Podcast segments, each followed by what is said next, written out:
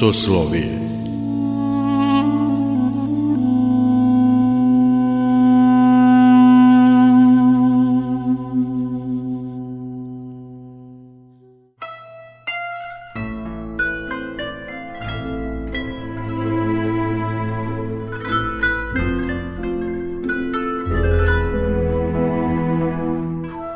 Slušate Soslovije, religijski nedeljnik Radio Novog Sada. Dobrodošlicu vam želi Mirjana Ranković. Tema večerašnjeg Soslovije je depresija, uninija ili čamotinja. Podsjetit ćemo se razgovora o ovoj temi sa ocem Branislavom Đuragićem.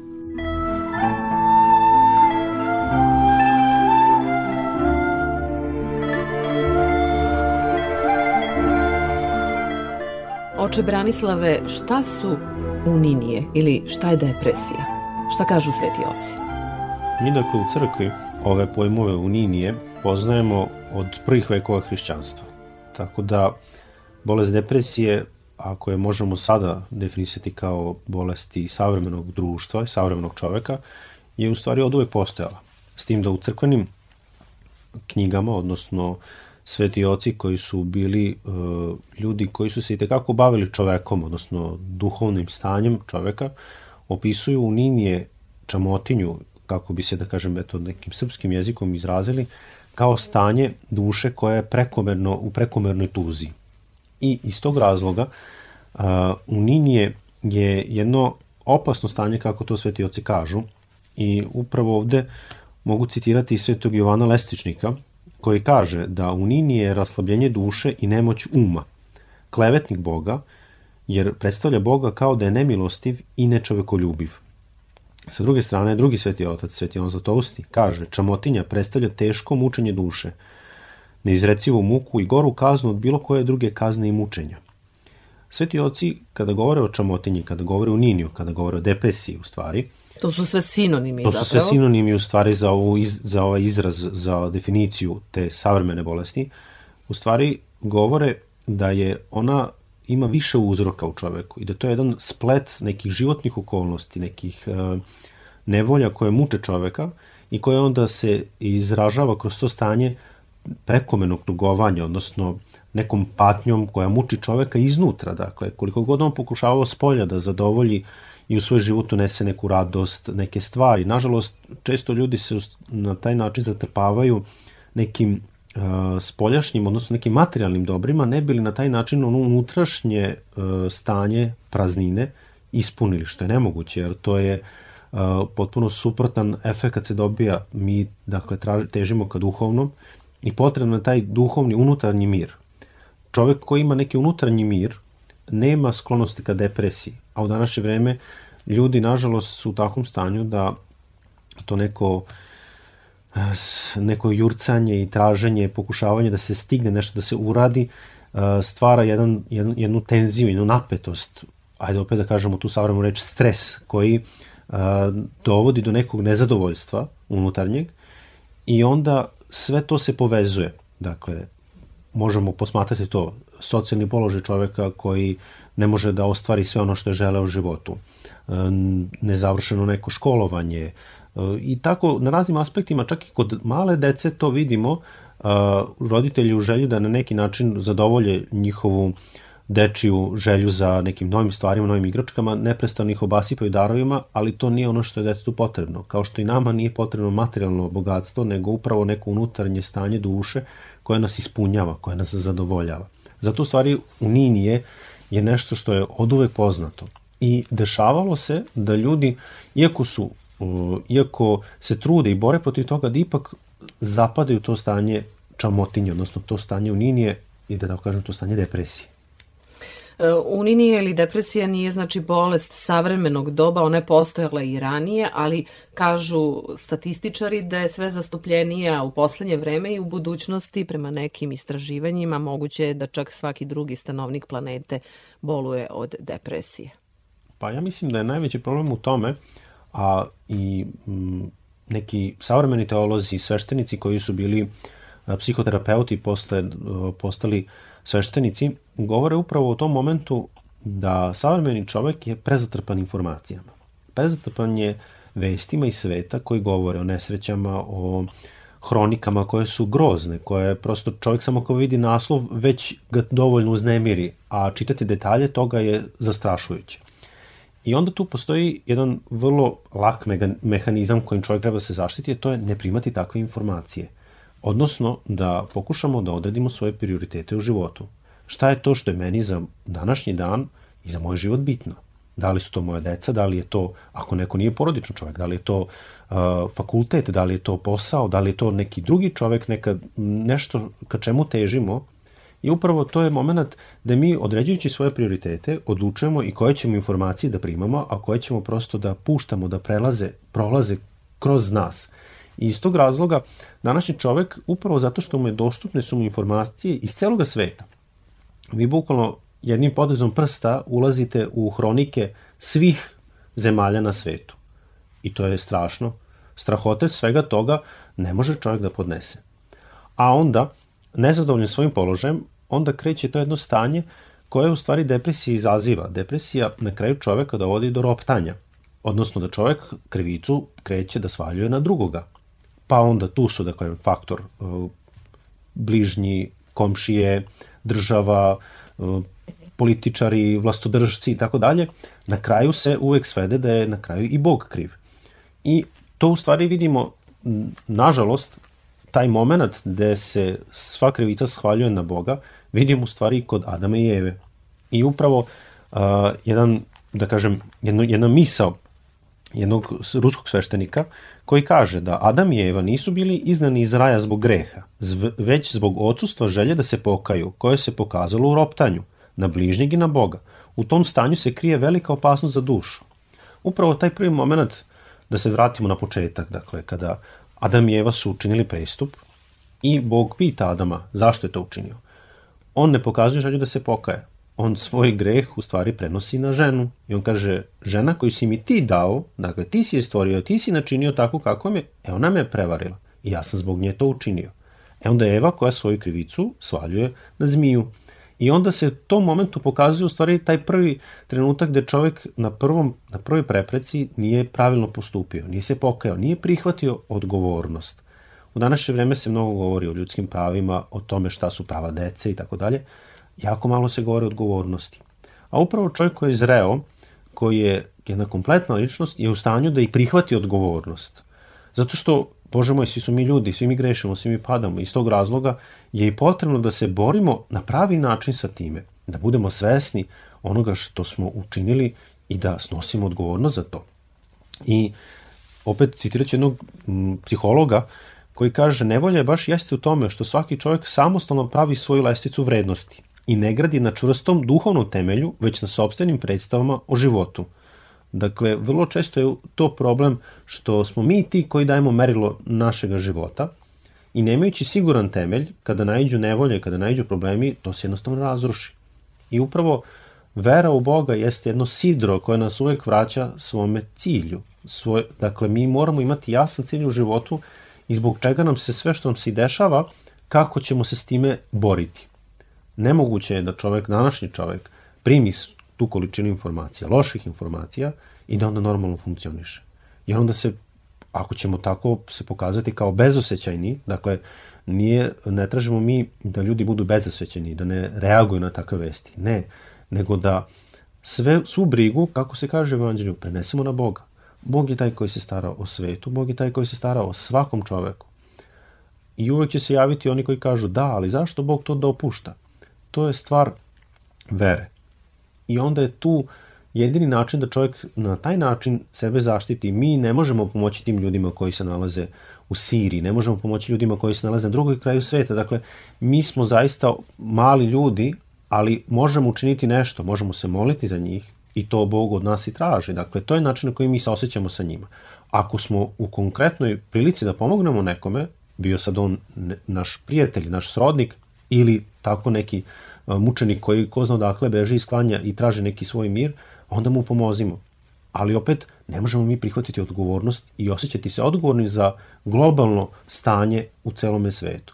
Ali moramo prihvatiti odgovornost prema svo, sobstvenim postupcima. To je ono što I je... ono što je do nas da izmenimo. Da. Upravo to, je, to, je, to jeste stvar da i zato i crkva, odnosno zato i sveti oci uvijek e, čoveka vraćaju na to da smo mi ti koji smo odgovorni za svoje postupke i da na tom, da kažem, malom poligonu našeg života treba da rešavamo te stvari.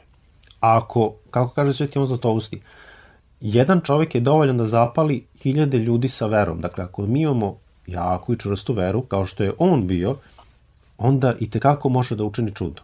Ali upravo zbog toga što je svoj, suštinu svoga života pronašao u Bogu. Često kažu da su žene podložnije depresiji i čak i neka istraživanja to potvrđuju. Zašto je to tako? Iz prostog razloga što žene su od uvek bile emotivnije i uvek su dublje proživljavale sve ono što se dešavalo njima, kako danas, tako i su kroz celu istoriju ljudskog, ljudskog roda. Dakle, mi vidimo ženu koja je u stvari od uvek bila slika majke, koja se stara o porodici, koja se brine za decu, koja rađa tu decu i dakle, samim tim uh, i ljudski i organizmi, dakle, uh, čoveka i žene se razlikuju, odnosno uh, muškarci nemaju, ne prolaze kroz sve te faze kroz koje žena prolazi samo prilikom trudnoće. A da ne kažem u moment gde svaka žena ima menstruacijalni ciklus koji izaziva hemijske promene u njenom organizmu i koje dovodi do promene raspoloženja. Što je onda normalno da utiče na njeno, njeno stanje kako duhovno, telesno i to manifestuje neku nervozu. A sa druge strane, opet e, se manifestuje na drugi način što padaju u neku preosetljivost i onda, nažalost, e, muškarci koji nemaju razumevanje za te stvari, jer oni, njima se to ne dešava, prosto shvataju to kao, a to je nek njihov problem. I tu onda dolazi do jednog, da kažem, stanja gde mi doživljamo, muškarci doživljavaju žene kao preosetljivima, a u stvari to je, Bog ih je dao takvima. Baš zbog toga, one su majke, oni treba da budu osetljive prema deci, s druge strane, jer ravnoteža između upravo to, porodice jeste ravnoteža muškarac i žena, koji svako sa svojim emotivnim sklopom u porodici deluje i, i vaspitava decu. I baš zbog toga je potrebno da žene budu osetljive. Zato što to je normalno da tako bude u porodici. I kako bih rekao, u današnje vreme one jesu preosetljive. S druge strane, društvo koje je nametnuto da žena mora da radi, da žena mora da ispunjava sve iste obaveze kao i, kao i muškarac, ali onda kad ona završi svoj posao, dolazeći kući, nju čeka i onaj ženski posao kod kuće, koji e, nailazi onda isto nerazumevanje zašto bi onda muškarac spremao ili kuvao ručak i tako dalje, dočekivao ženu sa decom, kada ona, to je njen posao. I tu onda vidimo tu kao ravnopravnost koja je u stvari učinila ženu neravnopravnom. Ali opet, budući da sad pričamo o depresiji, to onda dolazi do takvog jednog stanja, da žena ne može da izađe sa, sa svim tim uh, stvarima koje su nametnuti na nju u savremenom svetu i da bude savremena, odgovorna, uh, sposobna da rešava sve probleme i onda dolazi do takvog jednog stanja da one zaista jesu, jesu uh, preopterećene, a ne, na, ne, ne dobio nikako razumevanje sa druge strane od svoga supruga, od kolega na poslu i tako dalje. Tako da tu je, mislim da je moguće da je tu leži odgovor na to pitanje zašto su žene osetljivije, odnosno zašto lakše podležu depresiji.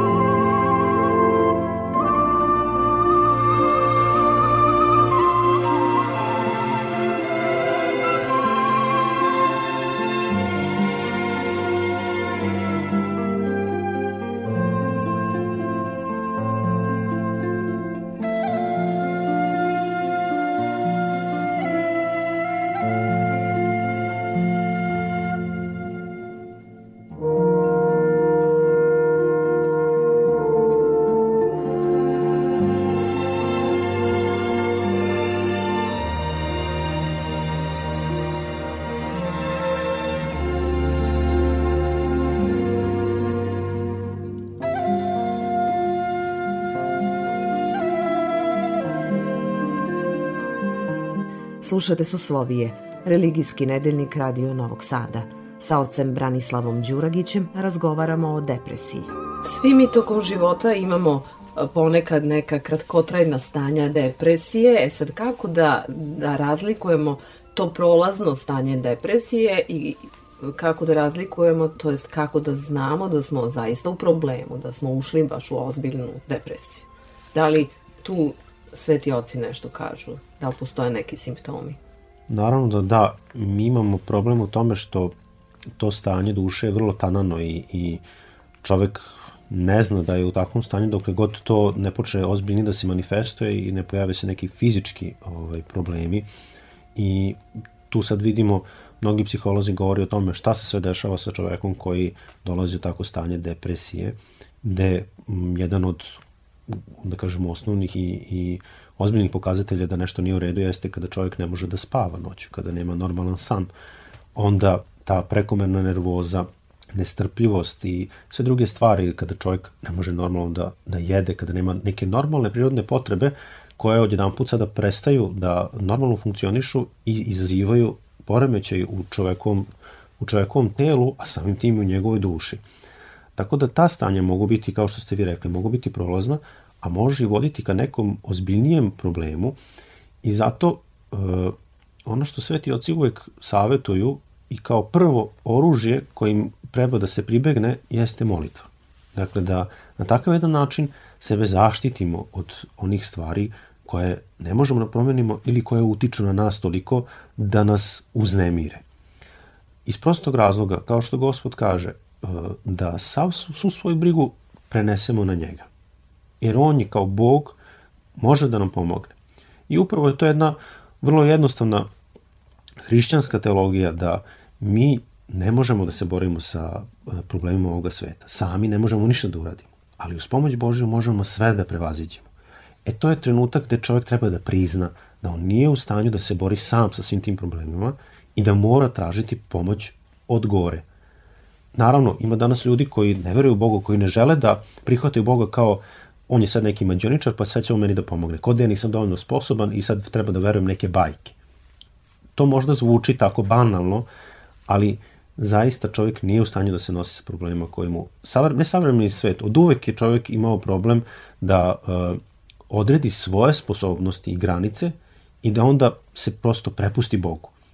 Imamo današnje društvo gde medicina, nauka, e, tehnologija koja, eto, u stanju smo da komuniciramo jedni sa drugima, da uz pomoć uh, medicine i tehnologije se ekstremiteti uh, novi prave, da se prave novi čipovi savremeniji, brži i sve tako ništa to ne pomaže čovjeku da savlada svoje osnovne probleme usamljenosti i kada je nevoljen. A onda, e, ne želeći da prihvati Boga, dolazi u jedan čorsokak. Ne može da izađe odatle, jer, Bože moj, on nije neko ko će verovati u bajke, a sa druge strane mu je potrebna očinska briga, briga nebeskog oca. I onda tu uh, zapadamo u jedan problem gde, budući da smo tako arogantni, odnosno sveti oci to lepo kažu da koren svakog greha jeste gordost. Taj naš ego koji nam ne dozvoljava da mi priznamo da smo mi sada neko kome je potrebna pomoć. Nego, ja mogu to sam. Savremeni čovjek može sve. Ali to samo iscrpljuje čoveka do krajnjih granica i onda se dešavaju takva stanja duše koja izazivaju ozbiljne psihičke poremećaje.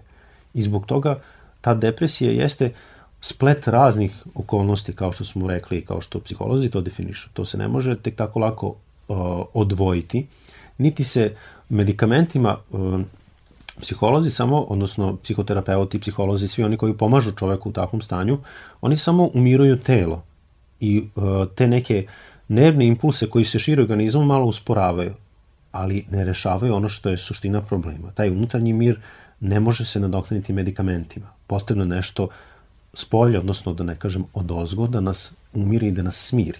Zato ljudi koji dolaze u crkvu imaju osjećaj kada uđu u hram da osete, osete taj neki unutaršnji, unutarnji mir koji ne mogu da nađu u svetu, ne mogu da nađu s polja. E upravo to je ono što sveti oci govore, čak i veliki podvižnici su imali takvih iskušenja gde su osjećali tu čamotinju u ninije i zato je to nešto što je i tekako prisutno u ljudskom životu, od uvek, dakle, kao što smo rekli, opet ponavljamo, to nije bolest savremenog čoveka. Od uvek su se ljudi borili sa, sa tim problemom. I posebno da, da, da pomenem taj moment gde sveti oci imaju trenutak bogoostavljenosti. Trenutak, oni su iskusili neku blagodat, iskusili su neku lepotu to duhovnog života, jedan put osjećaju da se to povuklo, da, da nedostaje im Bog u životu i onda dolazi to stanje uninija, odnosno, ajde tako kažem, depresije. Šta se događa za vreme molitve? Zašto je molitva tako važna? Iz prostog razloga što mi, prizivajući ime Božije, na taj način prizivamo njegovu milost, njegovu blagost i da tako štitimo se od svega onoga što je negativno. I lepo apostol Pavle kaže u svojim poslanicama, konkretno kada se vrši monašenje u crkvi, kada episkop ili iguman ko već vrši monašenje daje monahu ili monahinji brojanice i daje jedan odevni predmet koji se kojim monasi i monahinju, stari monahinje pokrivaju celo svoje lice, govori kao uzmite kacigu spasenje, uzmite štit vere i uzmite reč molitve, odnosno brojanice kao mač kojim će se odbraniti od svih nevidljivih neprijatelja. Upravo to je ono u šta se mi oblačimo kada činimo molitvu. Mi prizivamo Božju milost, prizivamo njegovu pomoć i samim tim Bog i tekako pritiče nama u pomoć. Iz, iz tog razloga molitva je uvek blagotvorna i uvek je nešto što će smiriti čoveka. I zato sveti oci preporučuju da u, u tim najgorim stanjima e, čamotinje, depresije, čovjek treba da vapi Bogu. I to nisu neke dugačke molitve. Znači, te kako pravoslavna crkva poznaje te kratke molitve. Gospode, pomiluj. Presveta Bogorodice, spasi nas. Gospode Isuse Hriste, Sine Boži, pomiluj me grešnog. De, ili samo Bože, spasi me. Ili Isuse, Isuse moj. To su kratke molitve upravo zato što u tim stanjima čovjek nije u mogućnosti da sedne pa da čita sveto pismo, pa da uzme da čita neki akatist ili da čita nešto što će tražiti neku određenu koncentraciju, neko određeno vreme. Ne, nego to su stanja gde se duša u potpunosti razitira i nalazi se u obezbiljnoj opasnosti i treba mu brza pomoć a je prizivanje imena Božijeg je moment da je sam Bog pritiče u pomoć i izbavlja nas od tog stanja. Ali ključni moment jeste vera. U Novom Zavetu na mnogo mesta Gospod je tražio da čuje da li taj koji se isceljuje ima veru. I onda na mnogo mesta Gospod i kaže, po veri tvojoj bit će ti.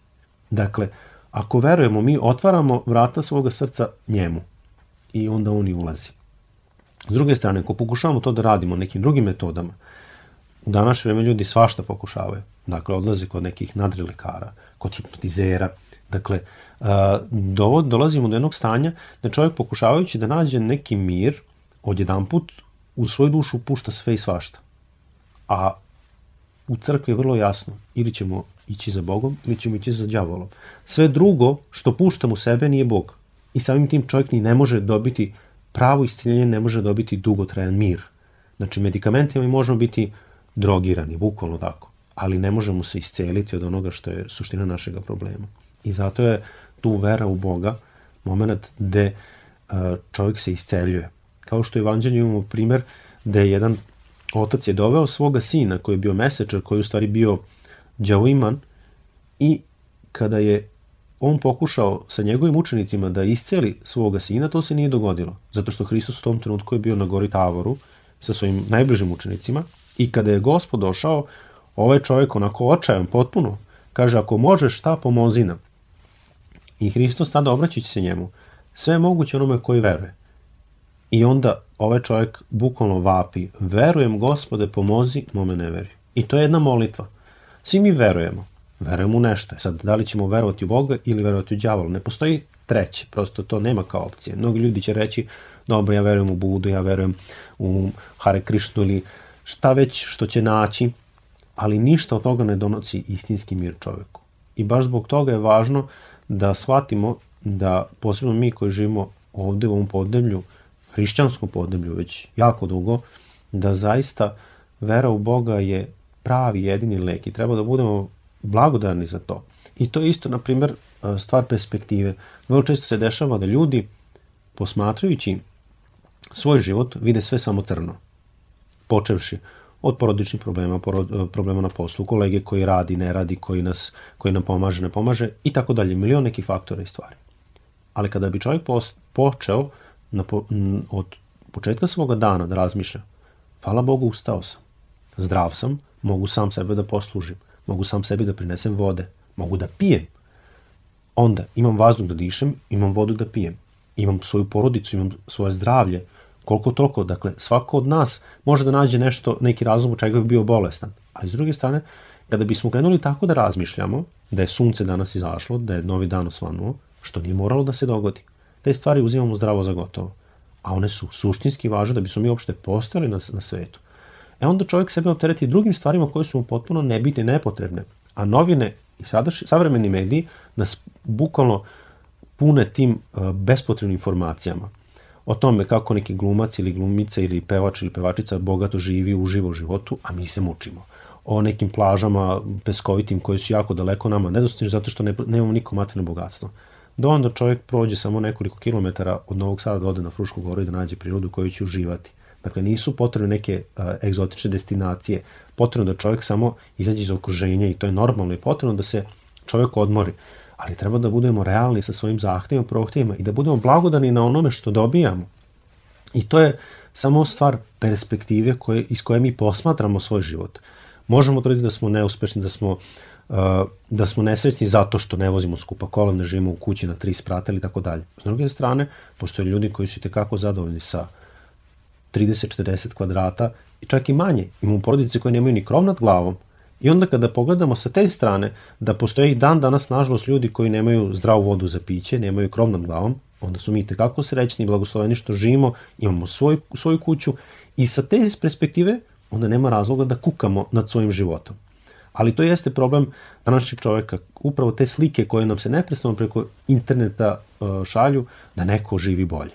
Da li se neko potrudio da provede neko vreme tražeći ljude koji žive gore od nas? A možemo naći takve slike. Prikaze ratova, zemljotresa, svega onoga što se dešava. Mi smo eto pre nekoliko godina imali ozbiljni problem sa poplavama. Dakle, naši su narodnici su bili u ozbiljnom problemu.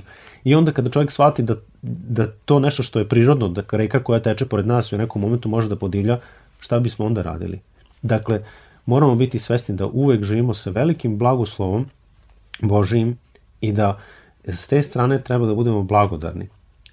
I to je način na koji se štitimo od te depresije. Dakle, blagodarimo Bogu za sve.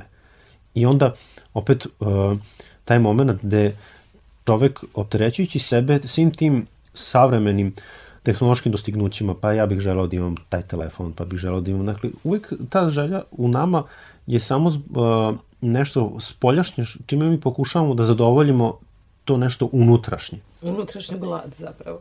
I to jeste problem. Radimo se, pot, dajemo potpuno pogrešnu hranu duši. To nije hrana duše. Znači sve polazi zapravo iz nas i Naravno, nas. čovek je sam sebi, da kažem, i o, lekar, ali i sam sebi ovaj, opasnost ako nije na, ako na pravi način ne može da se izbori sa problemima u kojima se našao. I što bi rekao otac Tade Vitovnički, kakve su ti misli, takav ti je život. Upravo tako. I to jeste suština. Ako mi mislimo o Bogu, onda će i naš život biti bogat Bogom. Ako mi mislimo o materijalnim stvarima, Imaćemo ih, ali nas neće zadovoljiti.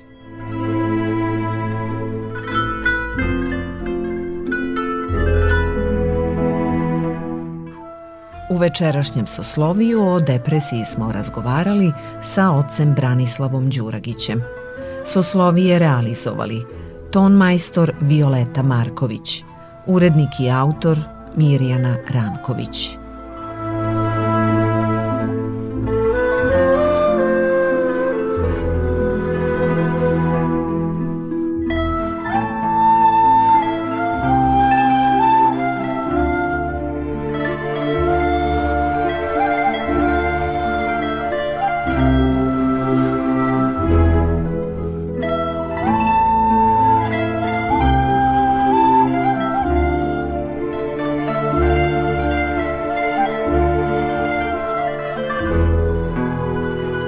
Radio